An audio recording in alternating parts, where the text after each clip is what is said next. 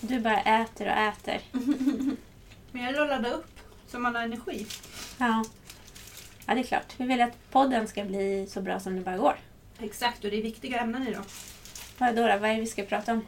Familjebildning. Familjebildning. Ja, men det är viktigt. Det tycker jag. Och det finns mycket man vill veta också känner jag.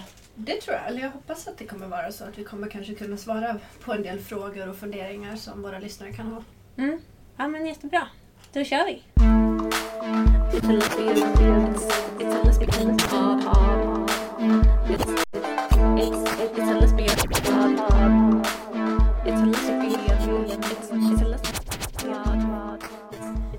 Så, jag känner på att nynna på en sång. Guess who's back, back again. Det ser ut Mm. som ett frågetecken Lotta, men jag var inte med i förra Back in the avsnittet. pod. Inte Exakt. förra, förra heller skulle jag vilja påminna om. Nej, men nu gör jag en återkomst i alla fall. Ja, ja, vad härligt. Det känns jättebra att du är här igen. Tack. Ja. Så, välkomna till Lesbis podd. Nu är vi alla här, inklusive dagens gäst. Eh, Lotta, välkommen hit. Tack. Vill du berätta lite kort vem du är? Jag heter Lotta Andreasson Edman och jag är barnmorska och jobbar på en barnmorskemottagning som heter Mamma Mia och som ligger på Söder. Och det är där vi är nu. Precis. Ja, Söder På studiebesök kan vi säga. Precis. Så har vi två lottor här i programmet men det kommer vara lätt att skilja oss åt för den ena vet massor om vårt ämne idag och den andra vet ingenting. Nej, Så det Känns som att ni blir, kan blir komplettera en bra varandra. uppdelning. Men du vet en massa andra saker, det är bra. Ja, ja, ja. Ja. Absolut. Yes, men Lotta du kommer ju rakt faktiskt utifrån en eh, regnbågsträff har vi Mm. förstått. Ja. Vill du berätta mer om vad det är för någonting? Jag har träffat regnbågsfamiljer som är väntar barn och de är, de är mot slutet av graviditeten och de sitter och pratar om hur det känns att vänta barn.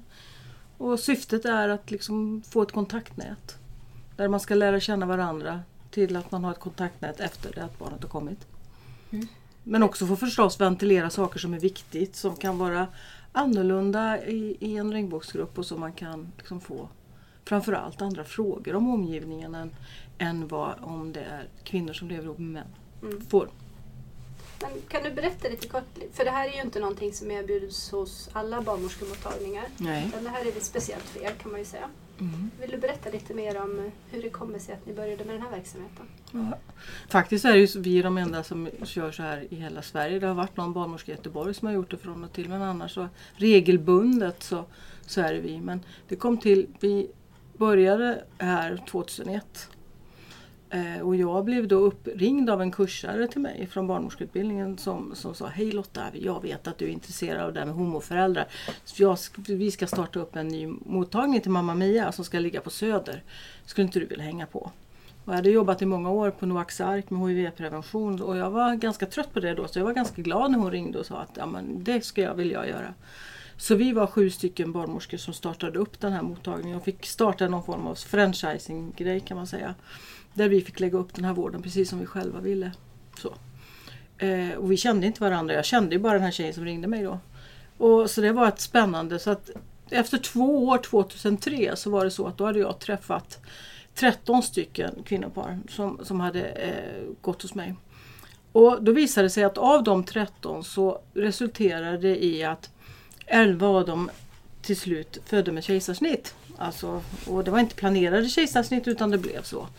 Och då, det, det var ju väldigt få för att göra någon form av, liksom, vad, vad sa det här? Men vad man, vad man tänkte ändå så vet man att som barnmorska ju, ju mer otrygg man är i förlossningssammanhang ju större är risken för att det ska bli ett kejsarsnitt.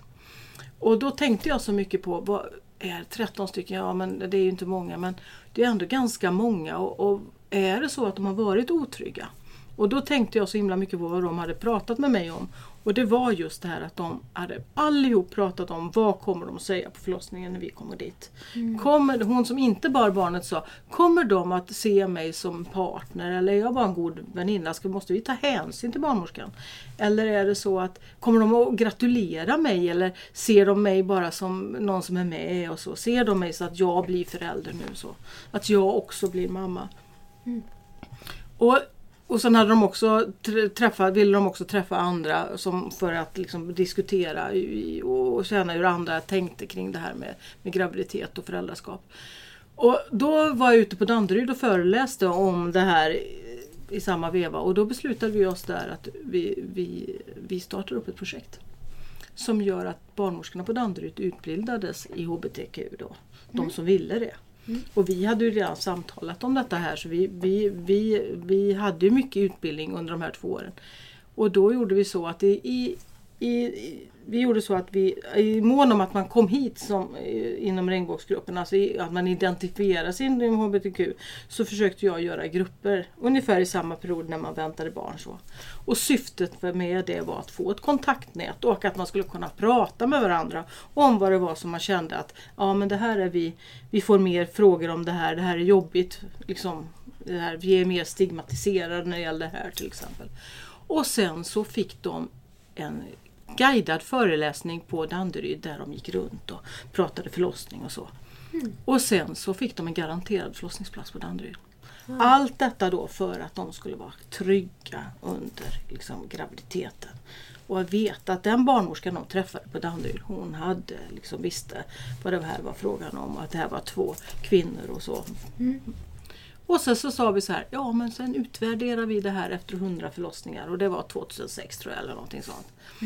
Och då visade det sig att ja, men om man tittade på förlossningsantalet så var det lika högt eller lågt som för alla andra. Så. Och därför kunde vi då inte säga vad berodde det här på. Berodde det på att de var trygga? Eller berodde det på att de hade fått en garanterad förlossningsplats? För i Stockholm är det så att man är väldigt orolig för var man ska föda någonstans. Men de här hade ju faktiskt garanterad förlossningsplats på Danderyd. Och då visade det sig så att, att eh, då fick vi skicka eh, enkäter till folk. Och då så var de väldigt nöjda med bemötandet och den här gruppen. Och det var oerhört viktigt att få träffa andra under graviditeten. Så då etablerade vi det till en verksamhet och så har vi kört hela vägen. Fram till för två år sedan då Danderyd inte kunde vara, liksom ha de här grupperna längre och guida för de har ett sånt högt tempo på förlossningen. Så nu träffas vi två gånger och, och träffas och pratar om hur det känns att vänta barn och så. Och så träffas man en gång till och pratar om amning om man vill det. Så den här gruppen träffas tre gånger. Så. Och sen får man föda på vilket sjukhus som man själv bestämmer. Så. Mm. Okej. Det är Betyder det att det inte är någon vad ska man säga, fördel eller så längre med Danderyd? Nej, då? precis så är det. Nej. Okej. Så är det. Mer än att de kanske har en något högre kompetens då, om det ändå funnits en Kanske, kanske inte. Jag tycker att kompetensen är lika stor överallt i annat idag. Jag tycker att de får lika gott bemötande på Huddinge som de får på Danderyd. Så jag, i den, när det gäller HBTQ så tycker jag faktiskt att, att förlossningsenheterna är bra i Stockholm. Mm. Det Har du någon koll på hur det är i resten av landet? Kan det vara någon skillnad? Nej det har jag faktiskt inte så himla stor koll på. Jag vet ju bara att det finns inga som jobbar som vi gör. Så. Eh, jag, jag har inte kontakt med, med de som har fött i Malmö eller till exempel Göteborg eller så. Jag antar, vi får ju hoppas att det förstås är så. Och det, är att, att, menar, det har hänt väldigt mycket sedan 2001 fram tills idag när det gäller attitydsmässigt. Så att där tänker jag ändå att, att Hur man får det, bra. jag, Nej men jag tänker till exempel att när vi började att sitta i grupp så var det så att då pratade de flesta om ah, vad skulle deras föräldrar säga till exempel.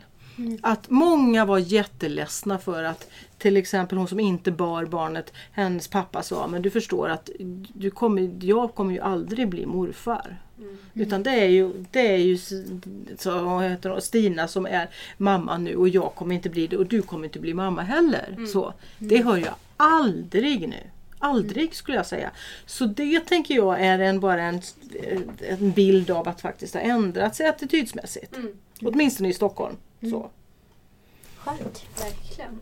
Men jag antar att ni fortfarande ser ett behov eftersom verksamheten har fortsatt. Ja, och det är för att många vill träffa varandra. Jag tror ändå att det är så att även om man bor i Stockholm så är det så att leva ihop i en regnbågsfamilj det är ändå att stiga utanför normen. Det måste man komma ihåg att det är så. Och man får en mängd olika frågor hur det här barnet har kommit in i magen och hur man har tänkt och varför gör ni si och varför gör ni så. Som man måste svara upp till. Och en del, de flesta gör ju, svarar ju på alla de där frågorna för att de vill att bana väg. För att här, när barnet kommer så, så ska det vara lättare för barnet ska inte behöva ta alla de här frågorna. Så. Men det kan bli väldigt tröttsamt att svara och att utbilda människor hela tiden, en hel graviditet. Mm. Ja. Så. vandrande lexikon. Liksom. Ett vandrande lexikon. Det går ju att googla idag till Mm. exempel. Det kan man göra. Eller så kan man ta betalt. Men alltså det finns... Konsultarvodet. Ja, eller vad är det? konsultarvode kan man ta. Men jag tänker att, att det är väl så där också när man kommer ut en gång så pratar man liksom, då, då, då ställer folk alla frågor. Och, och så vad säger de din mamma och vad gör de här och så. Mm. Och så, när man, så fortsätter man i det där och så blir man gravid. Och så eh, ska man ha barn och då fortsätter man informerandet. Det är liksom ett ständigt informerande hela livet. Mm. Och man kan, får ju faktiskt bli ganska trött på det. Verkligen. Mm. Hur, hur ser efterfrågan ut? Jag tänker eftersom det bara är ni som erbjuder den här Mm. verksamheten. Kan ni täcka behovet om man tänker i Stockholmsområdet? Vi tar alla som vill komma. Ska jag Ja, säga. okej. Ja, det gör vi. Eh, Så de som inte väljer att gå här, de, för dem är inte det viktigt att gå här eller viktigt att gå i grupp eller så. Mm. så. Jag vet inte hur många som inte går här men det är helt uppenbart att det är många som också inte går här. Mm. Så. Går det att säga ungefär, alltså jag tänker hur vanligt är det idag? Av de, de ni möter totalt, hur många är liksom Nej, men om vi skriver in? Ja men om vi skriver in 2000 gravida om året på den här barnmorskemottagningen så är 200 av dem HBTQ. 10 procent? 10 procent är så. Det är väl ändå förhållandevis många? Ja. Ja. Och det har ju varit viktigt liksom, för vi skulle inte kunna finansiera den här verksamheten om vi bara satsade på det. Men det har också varit så att det har varit viktigt att ha en blandad verksamhet. Att man ska komma hit och få vara precis den de är. Vi har ju de kvinnor som lever ihop med män som säger vi väljer er, er barnmorskemottagning därför att ni har en helt annan inställning till det här med föräldraskap. Mm, Och det är ju väldigt roligt att höra det. verkligen. Betyder, är det här alltid dig man möter då? Nej det är det inte. Nej, utan det är större verksamhet? det, ja. och det, vi är ju 14 barnmorskor som jobbar här och man kan gå till alla barnmorskor. Så. Så alla är kvalificerade? Alla är kvalificerade, ja. Men det är klart att jag har under åren haft många så. Men, men alla andra barnmorskor har också haft det. Mm. Mm. Ja men det är ju tryggt att veta Ja. om det är någon som funderar på att söka sig Mm. till exempel. Mm, Just det. Yes. Men sen noterade vi även det när man kommer in på er mottagning här. Det finns lite regnbågsflaggor, broschyrer. Mhm. Eh, jag vet inte om det brukar se ut så men det känns i alla fall Mm. som att eh, det är väl också ett sätt antar jag från er sida att Att visa upp. ja, Mm. och verkligen försöka inkludera Mm. alla familjer. Mm, så är det. Eh, ja, Men jag tänker så här, ehm, kan vi inte ta det från början här? Om vi, vi tänker oss eh, ett par som sitter där hemma i soffan nu och bara eller har en singel eller. Eller en singel. Ja, men ja, det kanske blir lite olika tänker jag också. Men, Mhm. ja, men vi, kan, vi, vi tänker oss två då. Vi tänker oss ett par och vi tänker oss en singel. Och de sitter hemma i sina respektive soffor. Och känner så att Gud, nu skulle vi verkligen, eller jag verkligen, vilja försöka få barn. Men hur gör jag egentligen som lesbisk? Hur börjar jag? Vad är det allra första steget i processen? Ja men då kan man säga att det är inte så himla lätt att svara på det. Därför att det beror på var i Sverige man bor. Mm. Därför alla landsting får göra som de lite vill. så. Mm. Så det där om du till exempel går in på nätet så är det väldigt svårt att veta jag bor i Göteborg, vad ska jag göra för någonting? Mm. Man får följa någon tråd och säga ja men i Göteborg, man kan gå in på fertilitetsmottagningen på Sahlgrenska hur, liksom så, och få följa det. Men, men om man, eh, så att jag, jag är med, vad- om man bor i Stockholm eftersom jag nu är här Mm. så kan jag mm, svara på det. Men, men ah, det är ju så att mm, där, dit, där man bor i Sverige då tillhör man ett regionssjukhus. Och där utförs, på alla de stora regionssjukhusen utförs ju eh, eh, assisterad befruktning. Mm. Och i, till den kön kan man, då finns det en kö som man alltså kan ställa sig på olika sätt. Mm. Och i vissa landsting är det så att då går man direkt till den fertilitetsmottagningen och gör fertilitetsutredningen där. I andra landsting, så som i Stockholm, så måste man göra fertilitetsutredningen innan man, och, och innan man hamnar i kön så att säga. Mm. Mm. Så ett tips är att ta reda på vilket Landsting, man, ja, och hur det ser ut. Mm. Just det. Och sen då om det är den vägen man börjar eller om man ska Mm. vända sig till någon annan barnmorskemottagning Ja, för fertilitetsutredning. Utredning, just det. Mm. Och, ofta, och är det så så om man ska göra en fertilitetsutredning så måste det göras av en gynekolog. Som då tar vissa prover på en, alltså kollar hur, hur, hur är det med mina ägg? Hur är mina äggreserver? Alltså hur är sannolikheten stor att jag skulle kunna bli gravid vid en insemination till exempel? Mm. Har jag fri passage i mina äggledare så att ägget kan vandra ner? det är väldigt viktigt att se att man inte har klamydia och gonorré och hiv och gulsot och så. Mm. Att man kan göra ett ultraljud och se att hur, hur livmodern ser ut och så. Och att, dessutom är det så att man, landstingen kräver att man också, den gynekolog som gör det här, eller, går in och tittar i, i psykjournaler. Alltså om man har psykjournaler, att man ser, går in och tittar i, i dem för att se hur, det finns någon anteckning hur man mår psykiskt. Att man inte ser att man är jätte... Alltså för, för två veckor sedan försökte ta livet av sig till Mm. exempel. Så att man behöver få hjälp med det först innan man ställer sig i kö Mm. och så. Så, så det, det krävs. Och när det allt det är gjort så kan den då gynekologen skicka en remiss till det sjukhuset där man då, då eh, ska få hjälp. Är det samma process om man tänker sig ett heterosexuellt par till exempel som söker? Ja, Hjälp egentligen är, ja, det är det. Ja, Ja. Så det är samma typ av utredning? Det är samma typ av utredning. Ja. Så, ja. Jag tänker det finns ju också förhållandevis många som fortfarande vänder sig utomlands. Mm. Det kan väl vara kötider till exempel som gör att det blir ett Mm. attraktivt Ja. alternativ. Eh, Danmark är väl ett vanligt land Ja, till exempel. Men idag är det ju så att nu är, om man tittar på kliniker till exempel i Stockholm så är det så att man kan även vända sig privat idag. Så att är det så att man inte vill stå för kötiden i Stockholm är ungefär ett år, kanske något längre. Och då kanske man vill att det ska gå snabbare. Ja då kan man ju välja en fertilitetsmottagning i Stockholm som man ringer till och då, då får man betala för det. Mm. Och då är det mycket snabbare. Just det, så då kan man köpa sig förbi kön med andra ord. Ja man kan göra det, ja Mm. precis. Mm. Just det. Nej men det har inte alltid varit så va? Det har inte varit så nu därför att det är först nu på senare tid som de här eh, fertilitetsklinikerna faktiskt har fått eh, har, handha donerad sperma. Det har de inte fått tidigare. Mm.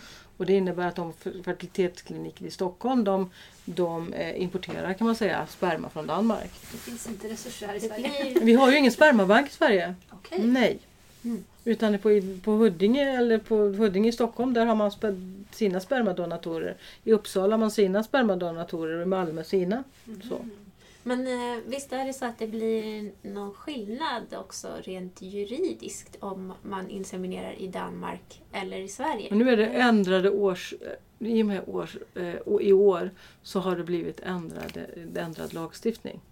Eh, och mm, ja, detta... Mm, det här kanske ni Är det inte... Ja, det är jättekrångligt. För Ja. jag, jag har inte hört om det jag har gått igenom än riktigt. Mm. Om det. Men, men om det, det som är meningen är att åker man till Danmark och får, eh, eh, och får hjälp där. Tidigare har det varit så att man måste, när man kommer hem så är det så att den som har barnet i magen blir ju ensamstående på pappret och så måste man vara gift och så måste den adoptera. Men i och med ny lagstiftning så är det så att har man en känd donator gjort det, då går detta automatiskt. Det är väl någonting med att det ska vara typ likvärdig svensk Mm. Ja, sjukvård precis. också. Men har man valt en okänd donator, att aldrig det här barnet kan söka upp den här, då gäller det inte. Okej, det är ju en viktig skillnad. Ja, det är en viktig skillnad. Om jag har rätt information så är det så att i Danmark till exempel så är det per automatik en okänd donator. Och Nej, det kan du välja. Mer Du kan välja. Ja, just det. det. Så är det. Men i Sverige Är det vet all- man alltid. Ja, Då är det alltid kända donator. Inte, Mm. för de, inte för de som får hjälp utan för barnet. När barnet kommer upp i en Mm. mogen ålder, alltså runt 18 års ålder, så kan den höra av sig och då kan man få ta reda på vem den här donatorn var. Mm. Varför han gjorde. Alla donatorer har skrivit lite grann om sig själva. Vem de är och varför de lämnade sperma och så. Men jag tänker om vi bara går in kort på det. Om man, det är Mm. nu så att man istället vill söka sig utomlands. Var, var börjar man då? då? Nej men det beror lite på hur gammal man är och så. Idag finns det ju de som är kanske 46-47. Då är det, hjälper inte Danmark till till exempel utan då får man gå till andra länder. Vi har kvinnor som åker ända ner till Cypern för att få hjälp. Vi har kvinnor som är över 50 år som får hjälp där, där man inte har några eh, restriktioner angående ålder. Så. Finns det i Sverige också någon sån restriktion? Ja, I Sverige är det 40 på, på, på, som gäller. Och i Danmark? kan jag inte svara, men kring 40 också. Men de har haft lite högre där. Så att det är möjligt att det är 43 eller någonting sånt. Mm. Mm. Jag tänkte, det finns ju också en, skillnad vad jag förstår när det gäller IVF. Mm. Alltså om det är så att man faktiskt inte kan inseminera Mm. utan istället måste göra IVF Mm. så har inte det gått att göra för hbtq-par. Mm. Känner du till det? Och du menar nog att vi, om, man, om det är så att man börjar, man, man börjar och så blir man inte gravid två gånger på, på inseminationen så man går över på det som kallas för IVF. Då är vitsen är att man ger kroppen hormoner så att kroppen bildar många ägg. Och, må- och så plockar man ut dem. Och så befruktar man dem utanför kroppen. Och så sätter man in dem då. Eh, och då är det vitsen att man ska få så många ägg som möjligt. Så att man kan frysa fyra till exempel och så stoppar man in ett. Mm. Och så blir man gravid på det. Mm. Och då har man ju har fyra stycken sparade i frysen. Eh, och då innebär det ju att man kan då hjälpa till med syskon sen. Mm. Men då kan man säga att tidigare har det varit så att om nu den ens partner vill bli gravid nästa gång så har man det varit svårt att swisha till den andra därför att man kan ju inte ge då en, en ett ägg till den andra för det har inte varit tillåtet tidigare med embryodonation. Mhm. Men i och med årsskiftet så är det det. Mm.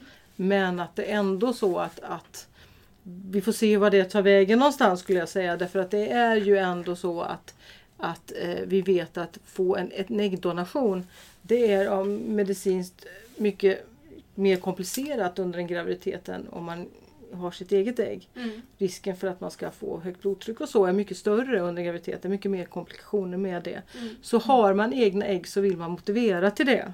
Just Så. Så att jag vet inte, det är tveksamt om det är några kliniker som ändå kommer att om man har ägg Mm. fry- frysta att stoppa in i den andra om den personen har Mm. ägg som fungerar. Så det återstår att se. Enligt det texten som skrivs så ska det inte kunna gå men ja, vi får väl se. Mm. Saker förändras. Saker förändras. Ja. Som jag förstod det så var det också så att IVF erbjuds bara på universitetssjukhusen och inte på de privata Nej. klinikerna. Men nu är det så att de har fått tillåtelse på dem. Så mycket har hänt i och med årsskiftet. Därför är jag så här luddig. Ja. Mm. då får man söka vidare helt enkelt. Och får man göra? Jag hänvisar vidare dit. och Tar fo- folk kontakt med mig så hänvisar jag var man kan ta kontakt i så fall. Mm. Nu ska man ju också veta att söker man privatkliniker då får man ju betala för det. Mm. Står man i kö till, till landstingen, ja då gäller ju en vanlig eh, eh, alltså landstingspeng eller avgift som man betalar första gången. Mm. Eller första graviditeten. Ja. Nej, men det är mycket att tänka på. Ja det är mycket att tänka på. Jag tänker för du var inne på det där med att söka information. Mm. Att det kan vara lite krångligt för att Mm. det är olika landsting och så. Eh, har du någon, liksom, något tips på någon sida eller någonting som kanske finns i någon annan regi som RFSL har en bra hemsida där man kan gå in och titta. Men det är ändå svårt för det, man kan inte, vad gäller för olika landsting så. Mm. Jag, I och med att vi har startat och haft många regnbågspar så har jag under åren, man har ringt hit och frågat. Jag var- vet vad man kan hänvisa och så. Men, men det går, framförallt går det att gå in på varje landstings, eh, alltså som jag sa, regionsjukhusens fertilitetsmål och läsa där vad det är som gäller för deras. Mm. Mm. Just det, så man får börja där. Man får börja där, Så ja. får man Ja, söka sig vidare ja. utifrån vad som framkommer. Yes. Men då har vi i alla fall täckt in hur man bär sig åt i Sverige och hur man kan bära sig åt i Mm. Danmark. Finns det andra varianter på Ja men, du, familjebildning? ja men du skulle ju till exempel om man lever ihop skulle man kunna eh, ta kontakt med en spermabank i Amerika. Och där kan man ju välja hur donatorn ska se ut och hur den är och allt möjligt och föräldrar är och vilken bakgrund de har och så. Och sen kan man skicka dit så går man till en gynekolog som säger att ja, men du, du, du, man får ett sjukintyg som säger att jag är frisk. Och så skickar man det till den här spermabanken. Då skickar de hem sperma i en liten tub och så inseminerar man hemma. Det går ju bra. Mm. Skickar de den ända till Sverige? Eller man måste Jaha. vara där? Nej. Nej, de skickar hem den. Oj! Ja. Det är som där, i den här filmen, vad heter den? I- If these walls could talk. Där när Ja. Ellen DeGeneres Mm. kommer springande med den här lilla tuben. Mm. Ja, men nu kommer alla unga lyssnare inte fatta någonting. Men det är faktiskt en jättebra film tycker jag. Men den år på nacken. Ja, ja. Precis det kommer ske. Jag sitter bara och tänker på att jag inte hoppas att det är Postnord som levererar. För då ja, kan det bli lite då kan det bli lite jobbigt. Ja, exakt. Nej. Ja. Men det är ju det att i den där tuben, man, berättar, man, man betalar ju för det. Då är det så att då är det nedkylt. Mm. Mm. Det låter avancerat Ja, det för låter att det. låta, Mm. eller våga sig på hemma. Men det kanske inte är så svårt. Nej, det står precis som man ska göra. Så, så svårt är det inte. Nej, okej. Men då blir det juridiskt. Kommer det ju i så fall. Det är ju frågan hur det blir nu. Men i och med årsskiftet, om man hade en känd donator så skulle det ju vara så att det blev, man blev automatisk vårdnadshavare utan att behöva en adoption i så fall. Så. Mm. Men ja, Det blir lite öppet för tolkningar låter ja, som. det är lite öppet tror jag. Och, men, det, men där är det så att, eh, som det har varit i alla fall, så har det varit tvungen att, att vara en adoption Ja. i det. Men jag kommer ihåg, för det här är några år sedan, men jag var Mm. i samband med Pride så var det ett seminarium på Kulturhuset. Mm. Där eh, de i alla fall, det var en forskningsrapport Mm. som gick igenom verkliga Mm. case då bland eh, framförallt lesbiska par.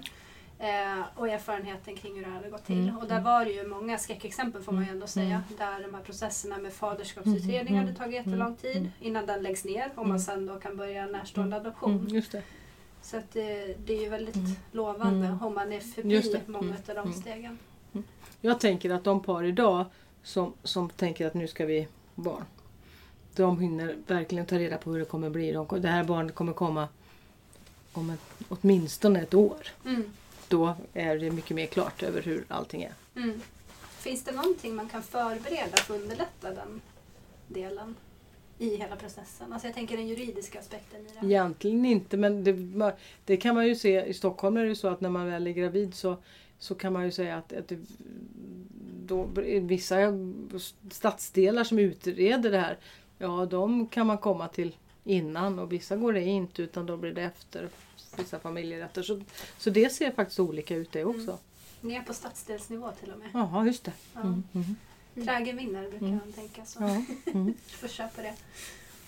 Eh, jag tänker ytterligare sätt då. Nu kanske vi har täckt alla, jag vet inte. Nej men ja det kanske är så att man är fyra. Tänker att säga att man ska bli fyra föräldrar. Mm. Så. Eller fler. Mm. Och då är det ju annat, då kanske man börjar med heminseminationer. Till exempel. Då räcker det ju med en spruta och ta reda på när man har ägglossning. Mm. Och sen, Så löser man det så löser det så ja. Ja. ja. Vad gäller juridiskt i de fallen? Ja men ett barn kan ju faktiskt bara ha två, som det svensk lagstiftning ser ut så är det ju så att ett barn kan bara ha två juridiska föräldrar. Så det måste ju då, då måste man ju bestämma sig för vilka är det här Mm. som ska vara det. Oftast har man bestämt sig att det är de då som är biologiska men så behöver det inte vara. Men det är klart att man, till sociala myndigheter måste man då tala om vem det är som, som är biologiskt. Och man, myndigheten anser ju att man måste göra det. Mm. Ja. Men har vi glömt vår eh, lesbiska singel nu som sitter där hemma i, i soffan och längtar efter barn? Va- vad, vad händer med henne? Hur, blir det någon skillnad för henne? Nej. Ingen skillnad alls. Ja, men hon, då hon måste också gå till en gynekolog. Och vill hon stå i landstingskön så gör hon på samma sätt. Mm. Och så jag utreder den gynekologen och skickar in en remiss och hamnar i kön. Det, det är samma sak. Blir det någon skillnad om det är en straight singel eller en lesbisk singel? I, eh, om man, Nej, vad det kostar eller Nej men alla, alla står i samma kö. alla står i samma kö? Mm. Var Okej. tydligt i alla fall. Ja. Men där tänker jag ändå, för det är Tack inte... det var inte någonting annat var otydligt men skönt att det kändes ganska okomplicerat. Vi var vid de lesbiska singlarna. Ja, precis. Ja, men det, det känns bra då. Ingen skillnad. Man behöver inte vara ledsen för att man är singel. Ihåg verkligen det. inte. Det var ett tillägg. Nej, men precis. Det var ju mer okomplicerat lät det som. För det var det jag tänkte på också. Att då är det ju faktiskt bara en vårdnadshavare, antar jag. Ja, Eller skulle man kunna blanda in en till vårdnadshavare i en sån situation även om det inte är en vad ska man säga, kärleksrelation man lever i? Ja, men det är ju, det, nej, man måste ju då få leva i en relation. Om man, en person ska adoptera då måste man ju vara gifta liksom, för Mm. adoption. Så är det. Och det är adoptionen som skapar vårdnadsskapet? på Just det, precis, ja. Mm. Just det. Men i och med att du ändå bär barnet så blir du vårdnadshavare Mhm. per automatik? Mm, automatik ja. Mm. Mm. Yes. Ja, bra. Vet vi allting nu om det här? Eller har, har du... Men Jag stökar till det ännu mer. Nej. Men om man ska, kan man sammanfatta själva processen lite mer? Eller så, så, de här nu som vi hade här i vår soffa. Eh, de eh, ska först kolla upp då eh, hur, vart de ska ta vägen för att påbörja en sån här utredning. Var de bor i Sverige ja. Var Ja. bor de? Och vart, vilket, vilket sjukhus tillhör de? Mm. Mm. Kan vi nämna några? För det är inte Ja. alla sjukhus väl? Nej, Malmö till exempel. Är ju eh, nu- ja, regionsjukhuset i Malmö. Jag tror att de bara har ett där. Mm. Man har Sahlgrenska sjukhuset i Göteborg. Man har Akademiska sjukhuset i Uppsala. Örebro regionsjukhus. Vi har Umeå. Och vi har Stockholm. Och då är det Huddinge. Så det sjukhus av de här som du räknar upp nu som är, när, är närmast, det, det ska man eh, kolla. Ja precis. Mm. Och bor man till exempel i, ja men säg att man bor i Luleå.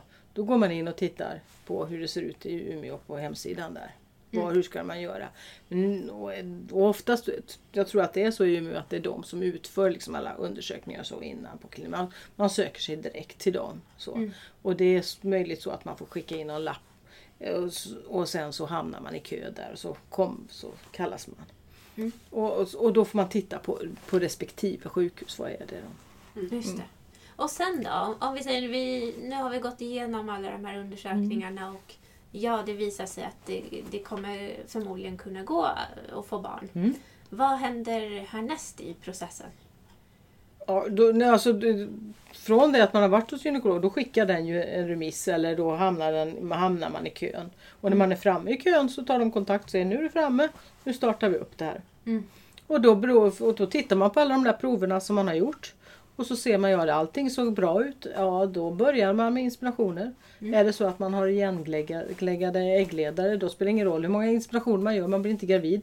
Så då måste man gå på IVF direkt. Så det handlar ju mycket om vad de där proverna visar. Mm. Okej. Vilka förutsättningar man har. Vilka förutsättningar har man? Mm. Så ja, man kanske får vänta ett tag då, om det är kö. Men sen, Mm, så kommer man fram ja. ja, sen blir det inseminationen. Och sen eh, hoppas man på det bästa. Sen hoppas man på det bästa. Ja. ja. Och sen söker man sig hit då. Om man bor i Stockholmsområdet. Om man bor i Stockholmsområdet så är vi ju de- den enda barnmorskemottagningen som har regnbågsverksamhet. Ja, så är det. Mm. Mm. Vad är det som händer då, då? För då har man ju i alla fall konstaterat att det är en pågående graviditet. Ja. Och då är det så att de flesta går ju då på kollar sin graviditet på en barnmorskemottagning. Och då så eh, ringer man och så får man en inskrivningstid. Och det får man kring åt, när man är i åtta vecka kring åtta eller tio, runt 8-10 veckor. Man går ju 40 veckor ungefär. Mm. Eh, och så får man en inskrivningstid där man träffar en barnmorska. Och så får man berätta lite grann om, om sig själv och, och, och så, får man, så utgår man då för hur, hur mår den här människan, vad för kontroller behöver göras under graviditeten, vilka ultraljud behöver göras och så. Och sen så eh, träffar man den här barnmorskan och de ultraljudsbarnmorskor som, som kollar också under graviditeten. Fram till att det är dags för förlossning då. Just det. Och vad händer då? då? Ja, då är det så att då åker man in och föder barn. Eller om man har planerat kejsarsnitt kan man också ha eh, på, på det sjukhuset där man bor. I Stockholm har man ju då liksom fem stycken sjukhus att välja på. Så att då har man under graviditeten valt ett sjukhus dit man är tänkt att föda. Mm. Mm. Och sen var du inne på det, men det finns där en risk då om det är så att det är så pass hög belastning att de inte kan ta emot. Just det, precis. Då kan man bli hänvisad. Ja. Och då Och den jag- risken är ju mindre i en, på, på, ut, ute i landet. Där det händer förstås ute i landet också. Men, Mm. men, men i Stockholm är den större. Mm. Å andra sidan är det inte lika långt då. då Nej, å andra sidan finns det fem stycken sjukhus så att det är alltid någon som har plats kan man ju Mm. säga. Ja. Som alla var bra dessutom. Alla är väldigt bra. Ja, så. Och sen har man eh, Ett barn så fött småningom. ett regnbågsbarn. Ja, sen har man fött ett Vad regnbågsbarn. härligt! Mm. Ja. Och sen kan man gå under regnbågsfamiljer i Pride-tåget. Ja. Är det nästa steg? Det är nästa i Pride, det det är något nästa. som händer mellan gå i Pride-tåget och Sen måste man bli födelsen? ja, sen händer massor väl när barnet kommer. Då ställs livet upp och ner. Ja. Det behöver inte du ta ansvar för. Nej, då är inte jag ansvarig längre. Nej, men då är det ju så att då, då följs ju barnet följs sen på barnavårdscentralen. Mm, just det. Så det är inte er verksamhet? Utan Det är inte, ja, Mamma Mia har barnavårdscentral i sin verksamhet men där jag är här finns det ju inte en barn, barn, Mm. barnavårdscentral. För det visst är det brett begrepp. Man skiljer på mödravård och och barna. barnavård. Mm. Ja. Det, det jag sysslar här med det är ju graviditetsvård. Den som har barnet i magen den, den personen kollar jag upp. Mm. så. Men sen när barnet är ute så är det ju barnsjuksköterskor som kontrollerar barn. Mm. Hur förhåller du dig till eventuell partner eller partners då? Kollar du dem också? Nej, ja. Egentligen är det så om man ska vara krass. Så är det så att uppdraget för, den som, för mig som barnmorska är den som har det i magen. Och sen så förstås den som den väljer att, att sina partner eller partners eller om man är singel så. Eh, och då gäller det förstås att inkludera dem som finns där med. Mm. Det är jätteviktigt att se att alla i den här familjen väntar barn. Mm. Och att, men det blir, blir- ibland så blir- det är lite olika för oss om hur vi förhåller oss kanske i vissa situationer ut, ut efter om man har den i magen eller inte. Så behöver man prata om det. Vad kan det handla om för frågor då som kommer upp då? Nej men jag tänker alltid att den som har den i magen den känner ju barnet så småningom. Känner den sparka och den ska ut på något sätt. Och den kanske ska äta av en. Det är så påtagligt att allting sker i den här kroppen. Den som står bredvid är ju inte på det sättet. Den kan vara påverkad också hormonellt att det smittar av sig lite grann. Men den har den i alla fall inte i kroppen. Så, så det är två olika roller. Eh, och det där måste man prata om. Liksom, vad innebär det ena och vad innebär det andra och så. Mm. Mm. Det låter som att det ändå finns visst stöd för skengraviditet då. Ja, det finns det av sig. Jag tänker mer att det är många som säger att jag mår också illa eller jag går också upp i vikt eller så. Jag får också bröstmjölk efteråt och så. Absolut, så är det. Så det händer ju någonting i kroppen eftersom man då lever ihop båda två. Mm.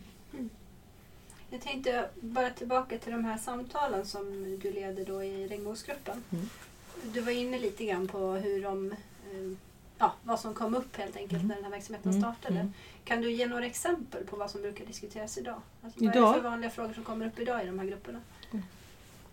Ja men det kommer alltid upp det här med, med frågor, vad man får för frågor under graviditet.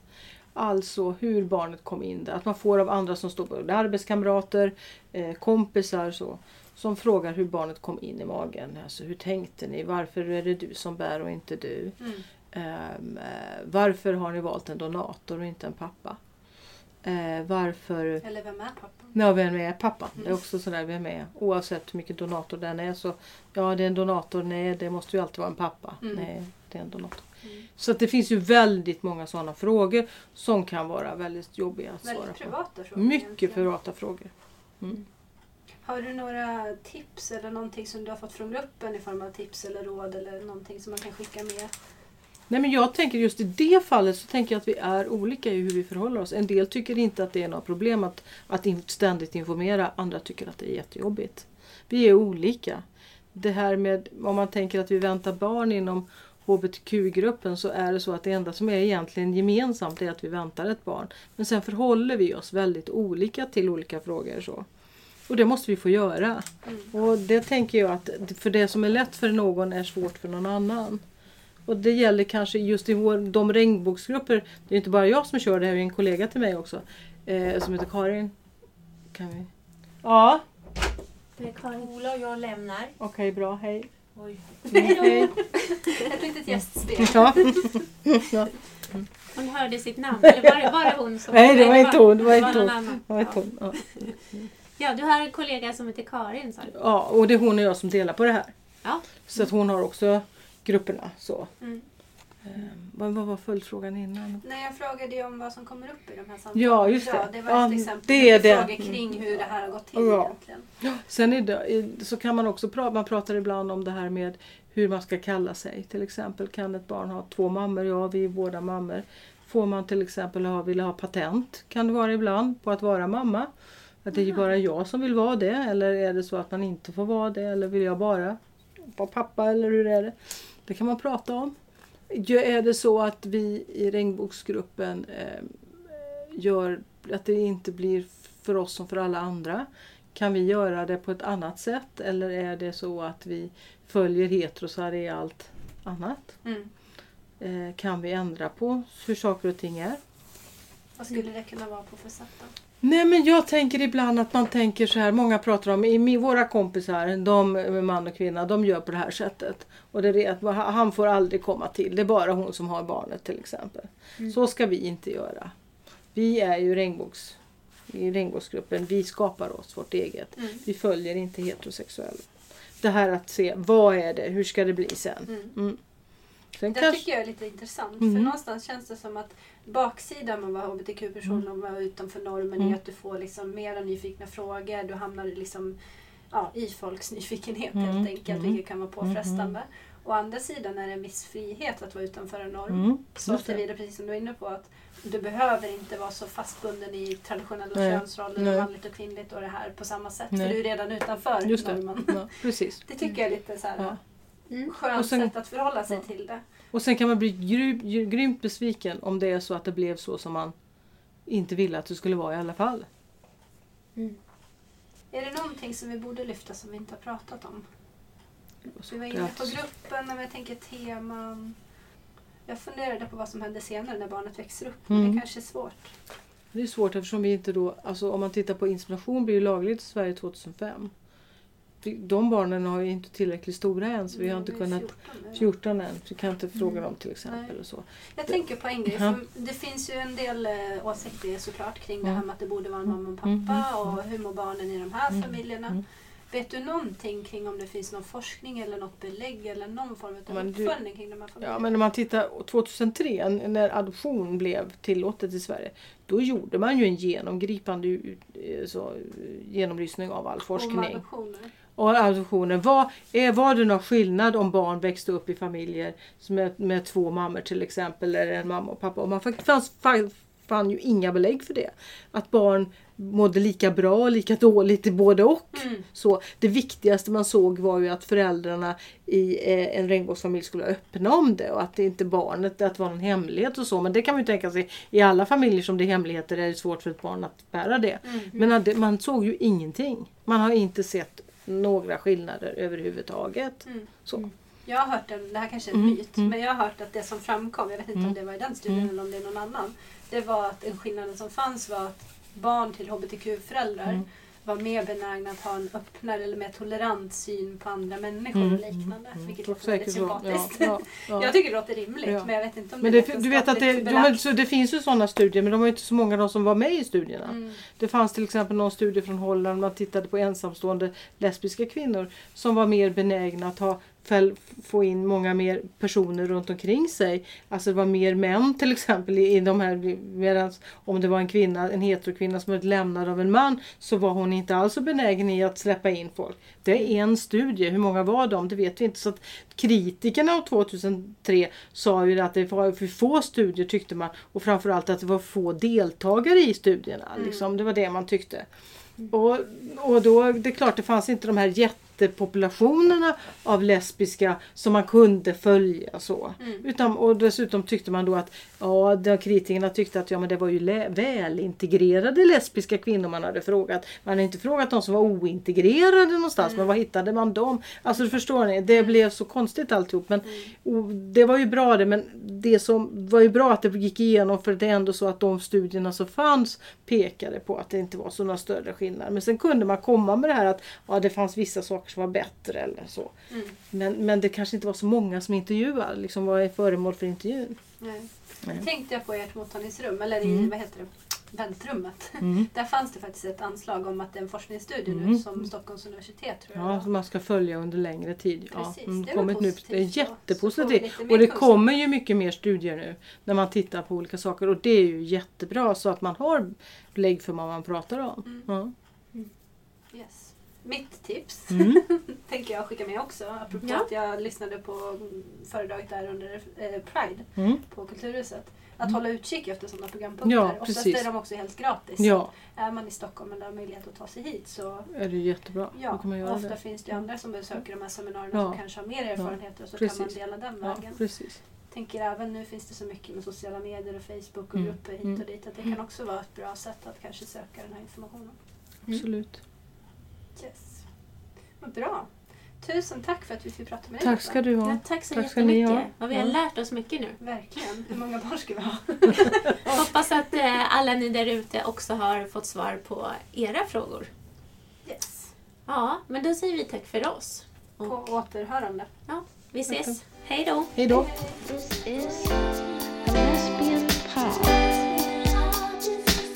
This is a lesbian